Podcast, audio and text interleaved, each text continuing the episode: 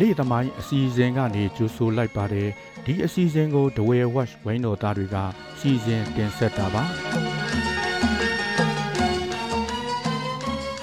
ဒီတစ်ပတ်မှာတော့စာရေးဆရာမင်းခတ်ရဲ့စလုံးနတ်ပွဲဆောင်းပါးကို တင်ဆက်သွားမှာပါဒီဆောင်းပါးကိုတနင်္သာရီဂျာနယ်မှာ2016ခုနှစ်မတ်လ14ရက်နေ့ကဖော်ပြထားခဲ့တာဖြစ်ပါတယ်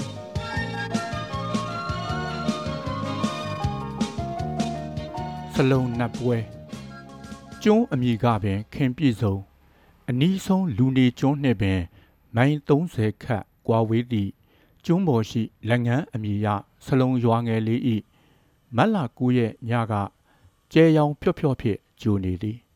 ညဦးပိုင်း9နာရီဝန်းကျင်ပင်ရှိသေးတော်လဲကျဲတွေစတင်နိုးထလင်းလည်နေလေပြီရွာတွင် ပင်လယ်ဘက်မျက်နှာမူကားသဲခုံပေါ်ဆောက်ထားသည့် ဇီးပင်အော်ဆလုံနတ်ကွန်းအနီးတွင် လူတန်သူတန်များဖြင့်လှုပ်လှုပ်ရှားရှားရှိနေသည်နတ်ကွန်းအတွင်းမှနတ်ဆရာကြီးကာရှားဤတွတ်တွတ်ရွတ်ဆိုတန်ကမကြားတစ်ချက်ကြားတစ်ချက်ကျွန်းထန်လာနေသည့်လှိုင်းတန်ကလည်းမကြားတစ်ချက်ကြားတစ်ချက်ခေါင်းပေါ်တွင်အဝါရောင်ဇာဘဝတစ်ထဲပေါင်းကတင်းပလင်ခွေထိုင်နေသည့်နတ်ဆရာသည်ဆေးတံကိုဖွာလိုက်စလုံးအချင်းချင်းပင် နားမလဲဟုဆိုသောဂါထာတစ်ခုကို တီကြီးလေးနဲ့သောမျက်နှာထားဖြင့်တူတူရွတ်ဆိုလိုက်ကော်စောခင်းတမန်တလင်းပေါ်လင်မန်းငယ်ခင်းကထွန်းညီထားသောဖျောင်းတိုင်မီးပွင့်နှစ်ခုကဆယ်ပေပတ်လေသာသာနတ်ကုန်းဤအမောင်ကိုအန်တုနိုင်စွမ်းမရှိသို့သောအရေးပြားများတွန်းဆင်းနေသည့်နတ်ဆရာဤမျက်နာကိုမူကြီးနီအောင်ပူဆန်းသွားစေ၏သူဘေးတွင်ကသူနှင့်ရုပ်ချင်းစင်ကသူ့ထက်ပူဦးစားနေသည့်အဖွားအို နတ်ဆရာဤမြမတဦးကမတ်မတ်ထိုင်းလိုက်ရှေ့သို့ကုန်းလိုက်ဖြင့်အလုတ်များနေသည်ဝေလက်ကောက်များစွာဝတ်ဆင်ထားသောရင်းအဖွားနောက်တွင်ကဆွေမျိုးသားချင်းများကပတ်လေဝိုင်းကထိုင်နေကြသည်မှာနတ်ကုန်းငယ်ပြည့်လူလူနတ်ဆရာရှိတွင်စောင်းနှင့်ခေါင်းအုံးကိုတဝက်လိပ်ပြီးကြံတဝက်ခင်းထားသည့်လက်ရက်ဂျစ်ဖြာတစ်ချက်ကာတောင်းပုံပါအ내ရောင်ခောက်ရတောင်တစ်ချက်ကိုဖြတ်ကာ ခေါင်းအုပ်လိအားမိထောင်ထား၏ရင်းရှိတွင်မှဖျောင်းတိုင်ပန်းဖျောင်းတိုင်ပန်းရှိတွင် ရေဖလားတစ်လုံးနှင့် မဟော်ဂနီရောင်ရစ်ရစ်အရေများထက်ထားသည့်ဖလားတစ်လုံးဖလားနှလုံးဘေးတွင် ပွဲညက်နှင့်တူသည့်မဲမဲလုံးလုံးလေးများထက်ထားသည့်ပကံငယ်သုံးလုံးရင်းကားနှစ်စဉ်တပေါင်းလာပြည့်နေ့ရောက်တိုင်းကျင်းပလေရှိသောဆလုံရိုးရာပြားနတ်ပူဇော်ပွဲသည်ယခုနှစ်တွင်မူ ဧည့်သည်ဆောင်တယ်များဖြင့်စီကားနေသည်စလုံတိုင်းရင်သားရိုးရာပွဲတော်ကို နိုင်ငံတော်၏အစည်းအဝေးအဖြစ်မကျင်းပဖြစ်သည်မှာဆယ်စုနှစ်တခုပင်ကျော်နေပေပြီနောက်ဆုံးကျင်းပခဲ့သည်က2004ခုနှစ်ကမကြုံကလက်ကျွန်းတွင်ယခုနှစ်တွင်ဒုတိယအကြိမ်ကျင်းပခြင်းဖြစ်ကြောင်းပွဲဖြစ်မြောက်ရေးကော်မတီအဖွဲ့ဝင်ဦးသိန်းစံထံမှသိရသည် ယခုပွဲတွင်စလုံမော်ကင်းလူမျိုးတို့၏ရေကူးပြိုင်ပွဲများလှီလော်ပြိုင်ပွဲများရေငုပ်ပြိုင်ပွဲများဓာတ်ပုံပညာရှင်ပြည်စိုးထွန်း၏စလုံတိုင်းရင်းသားလူမျိုးတို့၏ဓာတ်ပုံပြပွဲငါးတန်ဇာတထိမ့်သိမ်းရေးပြခန်းအန်နဝါရေပြင်ကာကွယ်ထိမ့်သိမ်းရေးပြခန်းစလုံလူမျိုးတို့၏အမှတ်တရပစ္စည်းများပြခန်းတို့နှင့်စင်တင်တေးဂီတဖျော်ဖြေပွဲတို့ပါဝင်ခဲ့ကြောင်းပွဲဖြစ်မြောက်ရေးကော်မတီမှသိရသည်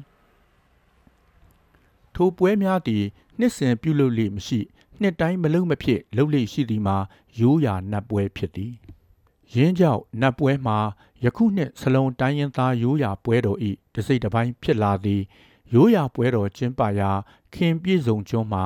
မြိတ်ခရိုင်နှင့်ကော်တောင်းခရိုင်နှစ်ခုကြားဗုတ်ပြင်းမြို့နယ်ပိုင်းကျွန်းကလေးတစ်ခုပေါ်တွင်တည်ရှိသည်နတ်ကျွန်းပူဇော်ပွဲကျင်းပနေရာစည်းပင်အော်၌ အင်ချီ20ခန့်ရှိပြီးဗမာအိမ်တစ်လုံးမှလွဲ၍ကြံအားလုံးစလုံးအိမ်များချီအမောင်တွင်စိတ်ငြိမ်လွန်းနေသည့်နတ်ကုန်းက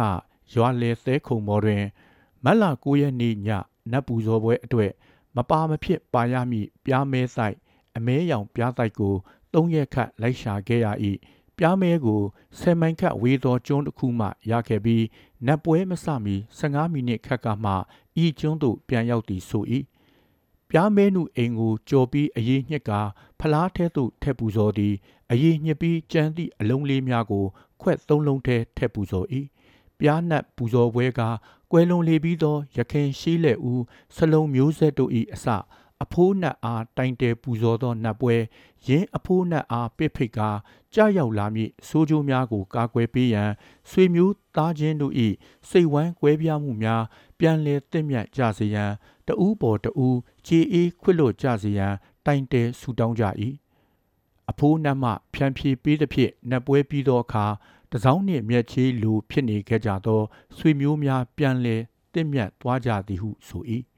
နတ်ဆရာအဖိုးကြီးကာရှာတတွတ်တွတ်ရွတ်ဆိုရင်းဆေးတံဖွာရင်းတနာရီခတ်အတွင်းပြားနတ်ပူဇော်ပွဲပြီး၏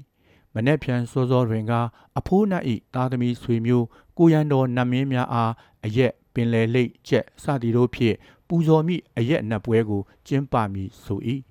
လက်ကုန်းဘေးတွင်နှစ်ပေပတ်လည်သားသားရှိ ပင်လယ်လိတ်တကောင်အမောင်တွင်း၌မှီးစင်းနေ၏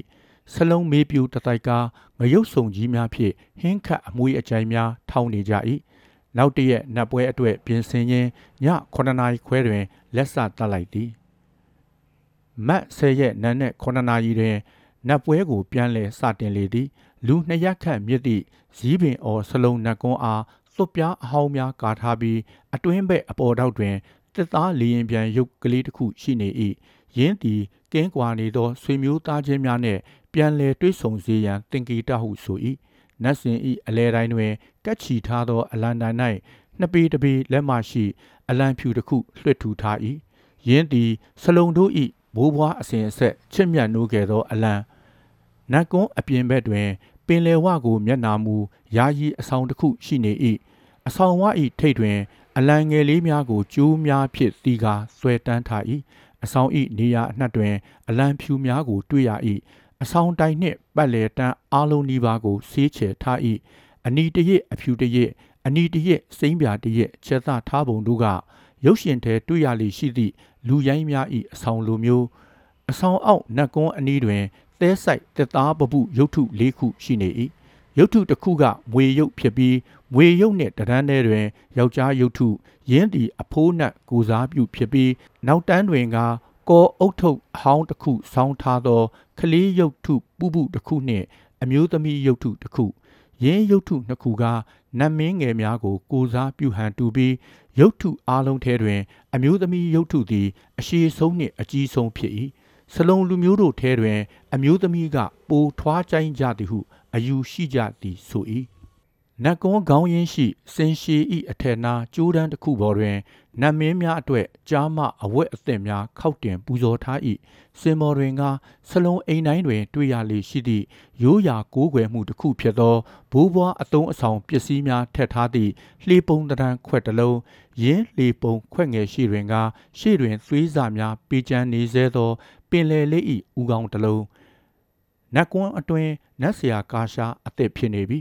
သူ၏နတ်ပူးပုံမှာတိမ်မွေ့ညင်သာအိန္ဒြေရလာသည်သူရှိတွင်အနီဝမ်းဆက်ဝတ်တက်လက်ပိုင်းမိမကြီး၃ဦးရိုကျိုးစွာထိုင်နေ၏အချင်းနှင့်အရှိတပေပတ်လေတက်သားစီအားစိတ်တည်တစ်ဖက်ပိတ်ရခင်ကဖွတ်တည်ဖြင့်ပြုလုပ်ကြောင်းသိရအနုမြူကျိုးငယ်များဖြင့်ကြစ်ချီကအောက်မှချိန်ဝင်းဖြင့်အနာကွတ်တက်ထားသောဘုံတို့လေးနှလုံးကို လူငယ်နှဦးကစာတီးလိုက်လေသည်ဒုံတုံဒုံဒုံ တုံတုံတုံတုံအမျိုးသမီးတို့စတင်လှုပ်ရှားလာ၏နှစ်ယောက်ကထိုင်ရင်းမှညံ့ညံ့ညောညောရိမ့်ွဲ့တယောက်ကကြမ်းတမ်းစွာလက်သီးလက်မောင်းတန်းနတ်ဆရာကအမျိုးသမီးနတ်ဝင်သဲများကိုရမကာတက်၏ရင်းရမကာကထိုင်းမှလာသည့်အရက်ပြင်းဒေသခေါ်လွန်တင်းအမီးကားဆေးလိတ်အချိုးကြီးစည်းထုတ်မကြာမီဆလုံအမျိုးသမီးများစီမှတချင်းတန်များထွက်လာသည် one day one day စတချင်းဆိုရင်မိမကြီး၃ဦးစလုံးထကကြ၏ကောက်ွယ်တွေကတဦးနှင့်တဦးမတူမညီမညာသို့သောတီးခွဲနှင့်ကောက်ွယ်ပနံရလိုက်ဖက်လာသည်ဆယ်ကျော်သက်ကလေးမလေးတဦးက၆လက်မှကျော်အဝိုင်းရှိသည့်မောင်းကလေးကိုတီးခတ်ပေးနေသည်တောင်းတောင်းတောင်းတချင်းနှင့်တီးလုံးတန်များကအဆိုတော်ဟယ်ရီလင်း၏ဂမ်ဘီယာဝိညာဉ်တချင်းအားတတိယစေလေသည်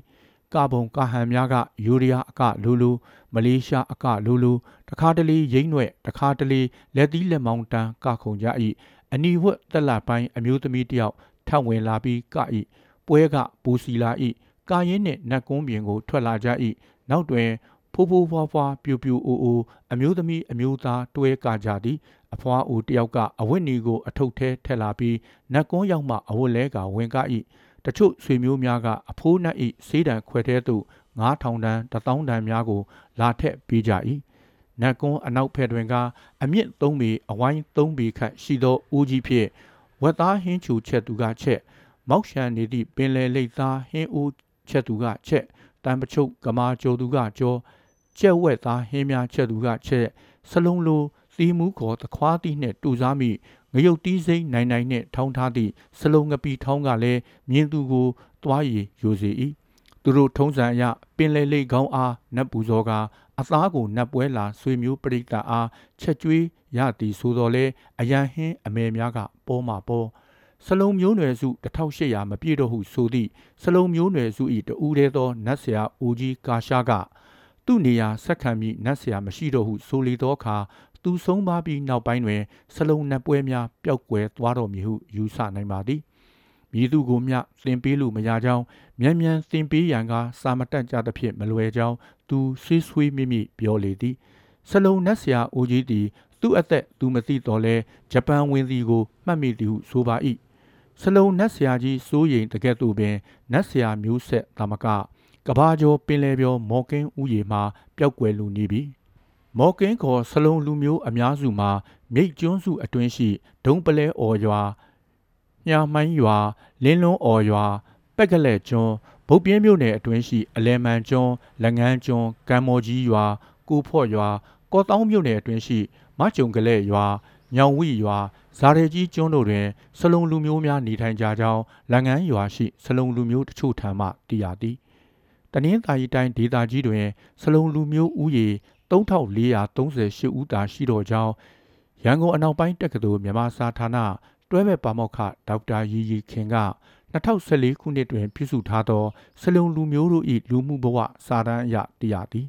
စလုံလူဦးရေရော့နေလာရခြင်း၏အကြောင်းရင်းမှာမူရဲ့ဆေးဝါးနှင့်အရက်သုံးဆွဲခြင်းစလုံအချင်းချင်းအိမ်ထောင်ပြုမှုနဲလာခြင်းနှင့်စလုံအုပ်စုတချို့တို့သည်ထိုင်းနိုင်ငံသို့ပြောင်းရွှေ့သွားလာခြင်းတို့ကြောင့်ဖြစ်ကြောင်းရင်းစာတမ်းမှသိရသည် 1995ခုနှစ်မတိုင်ခင်အထိလှေပေါ်တွင်သာနေခဲ့ကြသည်ဆိုသောစလုံလူမျိုးများသည်ယခုပွဲတွင်မူသူတို့ချက်သောသဲခုံပေါ်တွင်လွတ်လပ်ပေါ်ပါစွာတီဆူတီးခတ်ကားခုန်နေကြလေပြီတောက်တလောက်တောက်တောက်တောင်းတောင်းတောင်းဒုံတရုံဒုံဒုံ one day one day စနတ်ကွန်းရှိတွင်ကအပြူအိုအိုတို့ရိမ့်ွဲ့သူတို့အားလုံးကိုတွင်စလုံးအပျော်နှတ်တို့ပူးကပ်ခံထားရသလိုမျိုး နှစ်ပေကျဲဘောအိုးနှလုံးအားမှောက်ကာမှောက်လိုက်ကာဒရန်ပုံစံလုပ်ပြီးတီးဤထောက်တောက်ထောက်တောက်တီးလိုက်ကားလိုက်နားလိုက်တောက်လိုက်ကားလိုက်ဖြင့်နေမြင့်လေးလေးအပျော်မြင့်လေးလေး